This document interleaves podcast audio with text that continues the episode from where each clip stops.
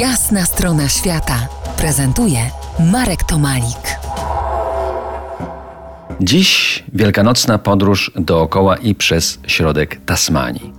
W poprzednim odcinku naszego świątecznego spotkania e, mówiłem o przypadkowym spotkaniu w czasie trekkingu w Parku Narodowym znajomego z Melbourne. Są tacy, którzy twierdzą, że przypadków nie ma. Jeśli czegoś mocno pragniemy, to często sprawy układają się do tych właśnie pragnień. Ja wtedy pragnąłem poznać Tasmanię od jej organicznej strony. Kolejnego dnia po nieprzespanej nocy dotarłem do Sleepy Bay, śpiącej zatoki. Piękno spotkanych krajobrazów powalało mnie na kolana przed matką naturą, która żadnego dzieła nigdy nie ukończyła. To, co wydaje się trwaniem, w istocie jest tylko mgnieniem. A to dopiero miał być prolog tego, co miałem niebawem doznać. Noc w pełni, gdy docieramy do zabunkrowanego przed światem hostelu w miejscowości Germantown.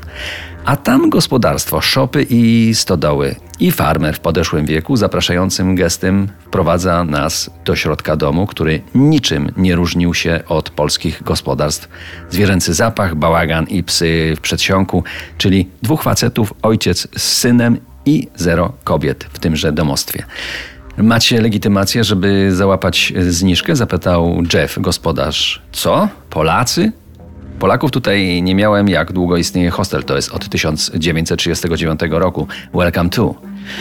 Przyjeżdżając tu, wiedziałem, że Jeff to barwna i ważna postać dla tasmańskiej turystyki i ochrony środowiska. Słyszałem, że dłuższy czas zabiegał o utworzenie Parku Narodowego w okolicach swojej mikroojczyzny.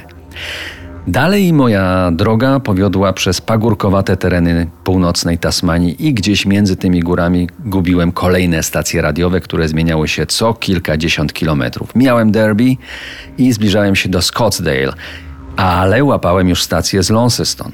Okej, okay, tak też można na Tasmanii odliczać przejechane odległości. Po dniu drogi dojechaliśmy do ujścia rzeki Gordona na jednym z krańców Tasmanii. Tam przesiadłem się na łódź, która zabrała mnie w górę rzeki. Po jakimś czasie tafla wody stała się nieruchoma, odbijając jak w kryształowym zwierciadle porośnięty buszem brzeg. Naprawdę wiernie jak w lustrze. Alicja w krainie czarów? I tak płynąłem sobie przez Park Narodowy Dzikich Rzek, teren zupełnie dziewiczy, nigdy nie zamieszkany i nigdy nie tknięty przez człowieka. Taka jest y, zresztą niemal cała południowo-zachodnia Tasmania. Myślę, że do dziś wiele z tych miejsc jest jeszcze nieodkrytych, niezbadanych. Całe brzegi wzdłuż rzeki Gordon są tam tak gęste jak niedostępne. To jest tak zwany deszczowy las. I oby tak to zostało. Za kilkanaście minut zabiorę Was na kilkudniowy trekking szlakiem The Overland, jednym z tych podobno najpiękniejszych na świecie. Zostańcie z nami w RMF Classic. To jest jasna strona świata w RMF Classic.